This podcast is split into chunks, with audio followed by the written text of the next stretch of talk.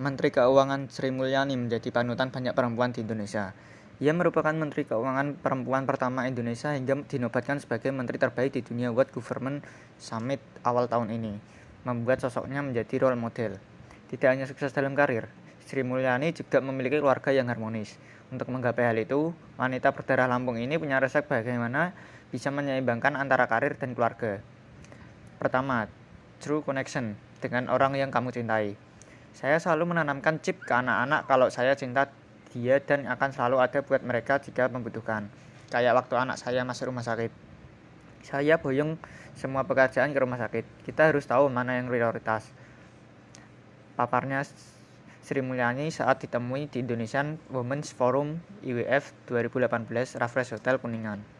Selanjutnya, ibu tiga anak itu menerankan untuk bisa mengatur waktu dengan baik, tidak hanya untuk pekerjaan dan keluarga, tapi juga untuk diri sendiri.